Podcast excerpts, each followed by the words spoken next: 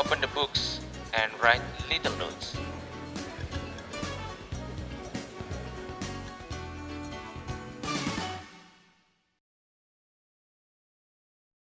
Dampak dari pandemi virus corona ini sebenarnya bukan hanya dari segi aktivitas, eee, masyarakat yang akhirnya terganggu dan semua harus berada di rumah.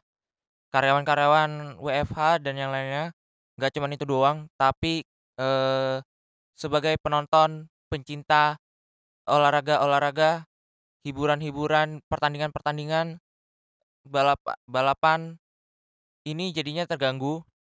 Kemarin pas pelaksanaan MotoGP, akhirnya yang dilaksanakan itu cuman Moto2 Moto3 dan Moto2. Sementara di F1 itu, eee, 5 jam sebelum sesi free practice pertama ini dimulai, ternyata dari pihak McLaren memutuskan untuk mengundurkan diri dari balapan Australia karena salah satu krunya ini terpapar virus corona. Jadi dan akhirnya pihak FIA berdiskusi dan akhirnya mereka memutuskan untuk membatalkan balapan tersebut dan menunda 2 balapan terah eee, 2 balapan berikutnya. Kalian bisa lihat di websitenya Formula One, di f1.com, itu ada jadwal-jadwal yang di akhirnya ditunda dan katanya itu mulainya itu pada bulan Juni. Nah ini, nih sebagai, eee, pecinta F1 nih, nih kayaknya kalian-kalian semua nih pada merasa kecewa, apalagi kalian yang sebagai penggemarnya, eee, Lewis Hamilton dan Valtteri Bottas, tim Mercedes lah. Kalau gue sih tetep Ferrari.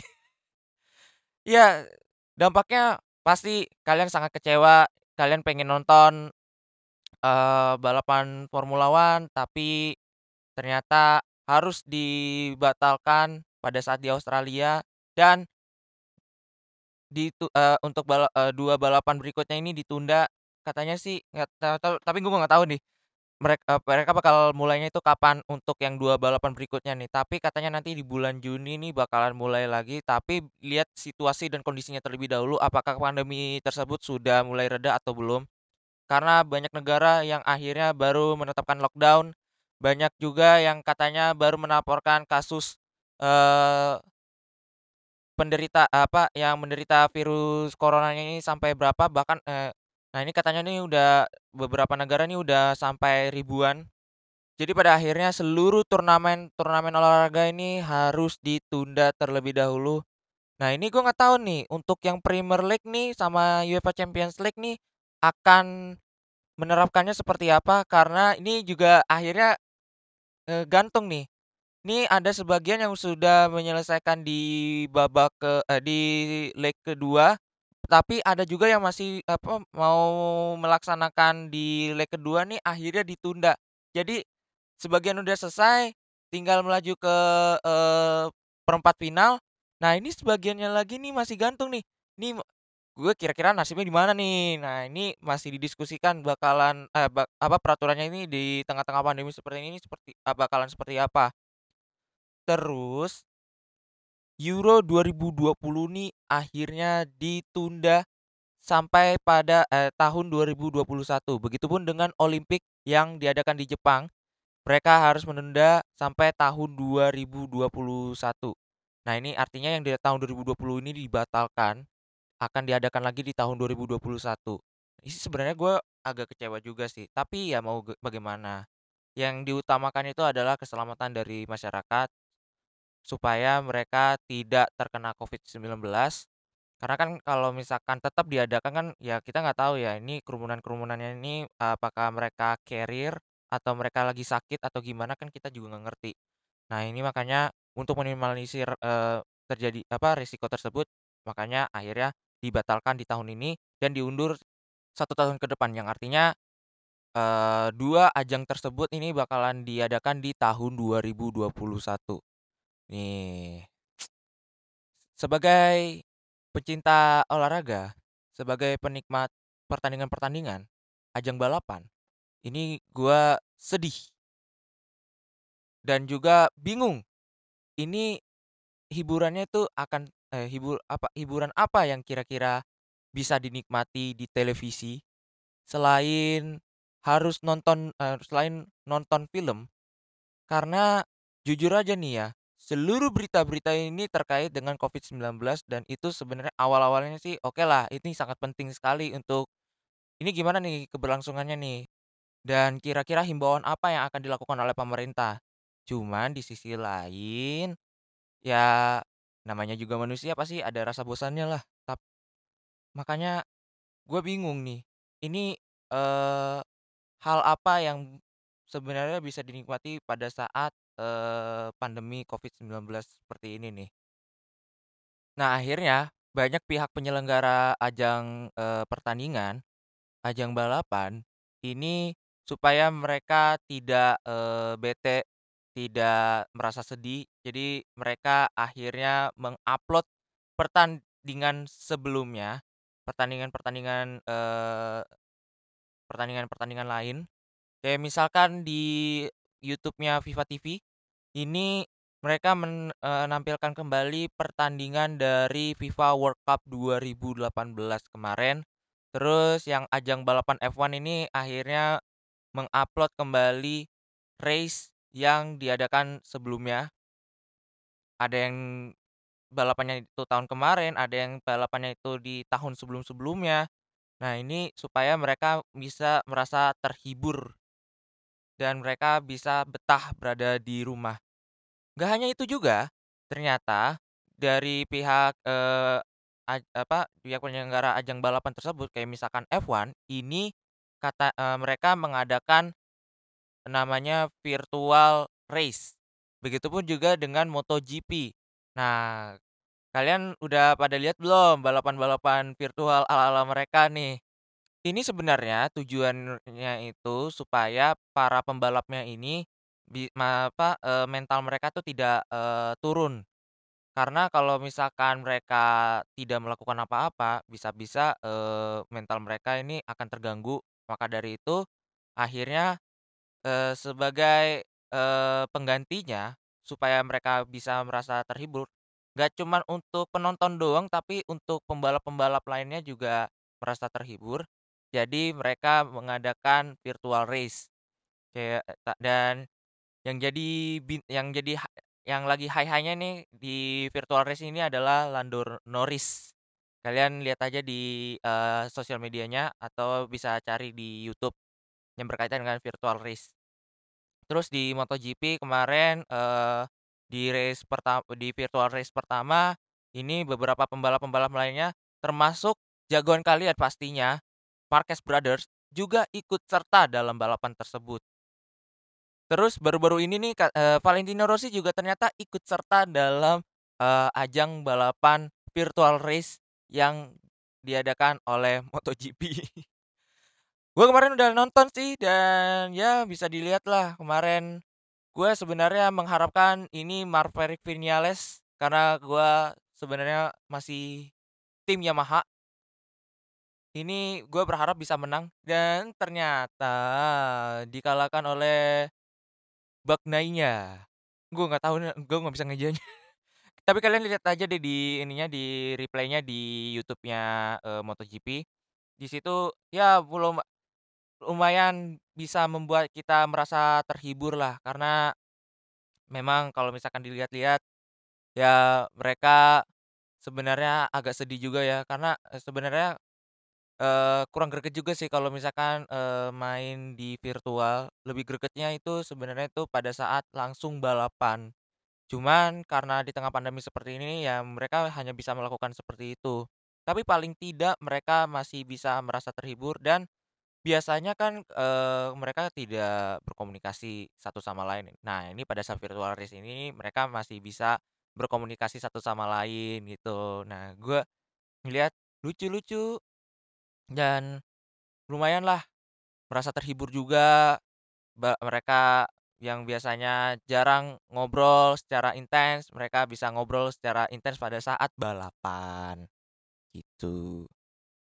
Sama ini sih, yang paling gua rindukan itu adalah sebenarnya balapan Formula One. Saking gua benar-benar merindukan Formula One, setiap gua manasin mobil, itu gua selalu nge-pretend layaknya gue sebagai seorang pembalap F1.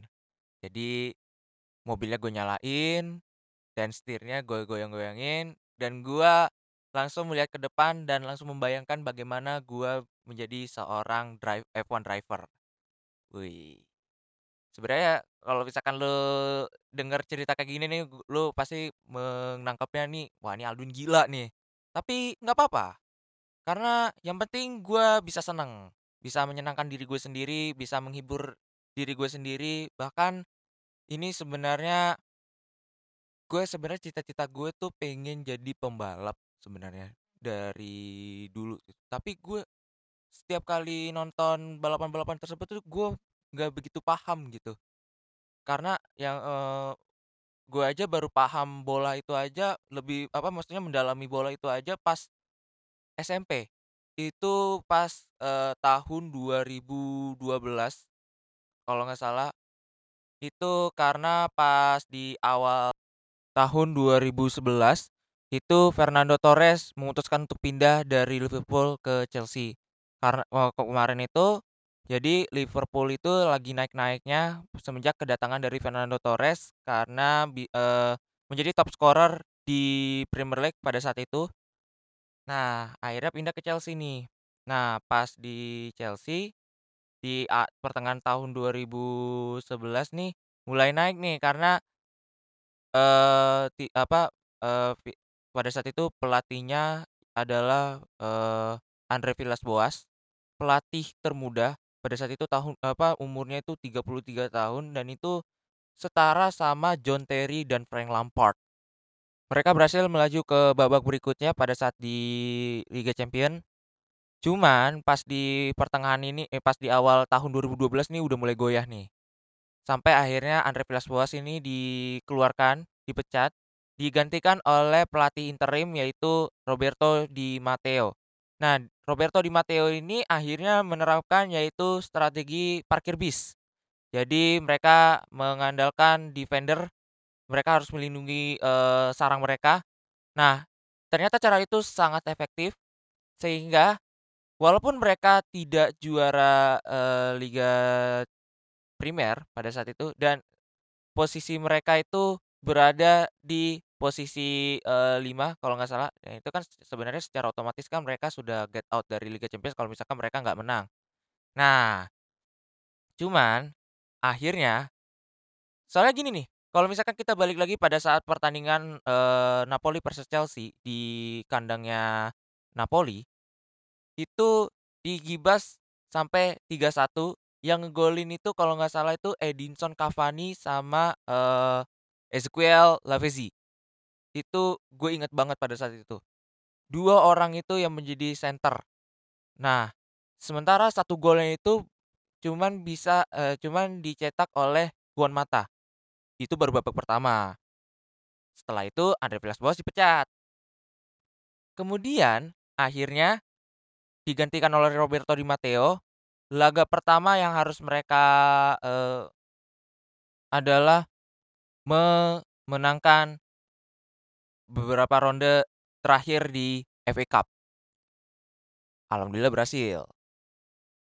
Maka eee, terus habis itu seterusnya sam eee, entar gue lanjutin lagi yang soal FA Cup. Nah, di Liga Champions akhirnya berhasil nih, di kandang Stamford di kandangnya Chelsea di Stamford Bridge. Didier Drogba, Frank Lampard, John Terry. Nih, yang paling ditunggu-tunggu ini adalah gol dari John Terry. John Terry akhirnya berhasil mencetak gol lewat sundulannya. Habis itu Frank Lampard lewat penalti. Nah, habis itu tapi sebelumnya itu dibobol duluan eh, dibobol sama pemain dari Napoli, gue nggak tahu namanya siapa. Nah seimbang nih, 3-1 nih, karena di leg pertama 3-1, nah di leg kedua nih 3-1. Nah akhirnya ada extra time. Habis itu pas di eee, pas di babak pertama extra time, Branislav Ivanovic menjadi penyelamat Chelsea pada saat itu. Babak berikutnya Benfica, eh lawan Benfica. Benfica juga seperti itu, 1-0. Habis itu berikutnya lagi 2-1. Kalau nggak salah ya, tapi, eee, koreksi apa komen aja koreksinya. Nah, terus berikutnya ini Final apa, semifinal semifinal. Itu lawan Barcelona. Di Stamford Bridge 1-0. Gol dari Didier Drogba. Sampai babak eee, sampai pertandingan ini selesai. Itu di leg pertama. Pas di leg kedua, wah udah mulai mengkhawatirkan nih. Kebobolan 2, eee, 2 gol. Ah, ini nih. Tiba-tiba, belum lama, tiba-tiba Ramires langsung melakukan counter attack. Wih, gile gile. Counter attack-nya itu cuman langsung dicongkel, zet, masuk. Habis itu pas di leg kedua nih, nah di leg kedua nih udah mulai sama-sama kuat nih, udah mulai sama-sama kuat, tapi dari segi ball possession memang sangat jauh sekali. Lionel Messi eh, pada saat itu ada pelanggaran. Yang ngambil, yang eksekusi itu adalah Lionel Messi. Wah, itu udah mulai mengkhawatirkan tuh. Pas udah dieksekusi, eh pas eksekusi ternyata deng, kena tiang atas, mantul ke atas. Lanjut lagi, ah selamat. Nah, pas Fernando Torres udah diganti menggantikan Didier Drogba nih. Nah, ini udah mulai ini nih, udah mulai intens. Nah, tiba-tiba nih, tiba-tiba salah satu eee, kalau nggak salah Ashley Cole, pas mereka lagi oper-operan dari Gary Cahill langsung oper ke eee, Gary Cahill atau Juan Mata ngoper ke Ashley Cole, Ashley Cole langsung tendang jauh dan ternyata langsung kena tepat sasaran di ke Fernando Torres dan Fernando Torres sendirian di situ langsung disikat abis, disikat abis, kosong, nggak ada nggak ada pertahanan sama sekali dan langsung dar, masuk. Gol eee, jadi, eee, skornya itu 2 sama. Secara agregat 3-2. Lanjut ke final lawan Bayern Munich. Kalian tinggal lanjutin sendiri. Kebanyakan cerita nanti ini lagi, kalian bosen lagi. Tapi itulah kenapa gua mencintai, eee, Chelsea sampai dengan sekarang. Karena melihat dari kegigihan mereka, melihat dari mereka harus bisa survive, mereka mere apa, melihat dari de segi, eee, perjuangan mereka, ini gue benar-benar kayak gua harus mengacungkan jempol. Walaupun gue juga sebenarnya agak kurang suka sama salah satu, eee, orang yang ada di Chelsea. Tapi bukan pemain, tapi orang yang ada di dalamnya. Tapi ya udahlah gue nggak usah jelasin lah. Ya mudah-mudahan pandemi ini bisa cepat berlalu, balapan ajang balapan, ba ajang pertandingan sepak bola, dan ajang olahraga lainnya bisa berjalan lagi seperti semula, bisa menghibur lagi seluruh masyarakat yang ada di seluruh dunia. Ya, karena jujur aja gue udah ngerasa kayak jenuh banget, gue ngerasa bosan banget, yang gue bisa nikmati di televisi adalah berita berita, eee, talk show, sama nonton film. Kalau nggak di TV, ya paling di laptop. Cuman ya udahlah, mau gimana lagi. Gue juga bingung mesti kayak gimana. Oke, that's it. So, this is my little notes, and bye-bye. See you on the next little notes.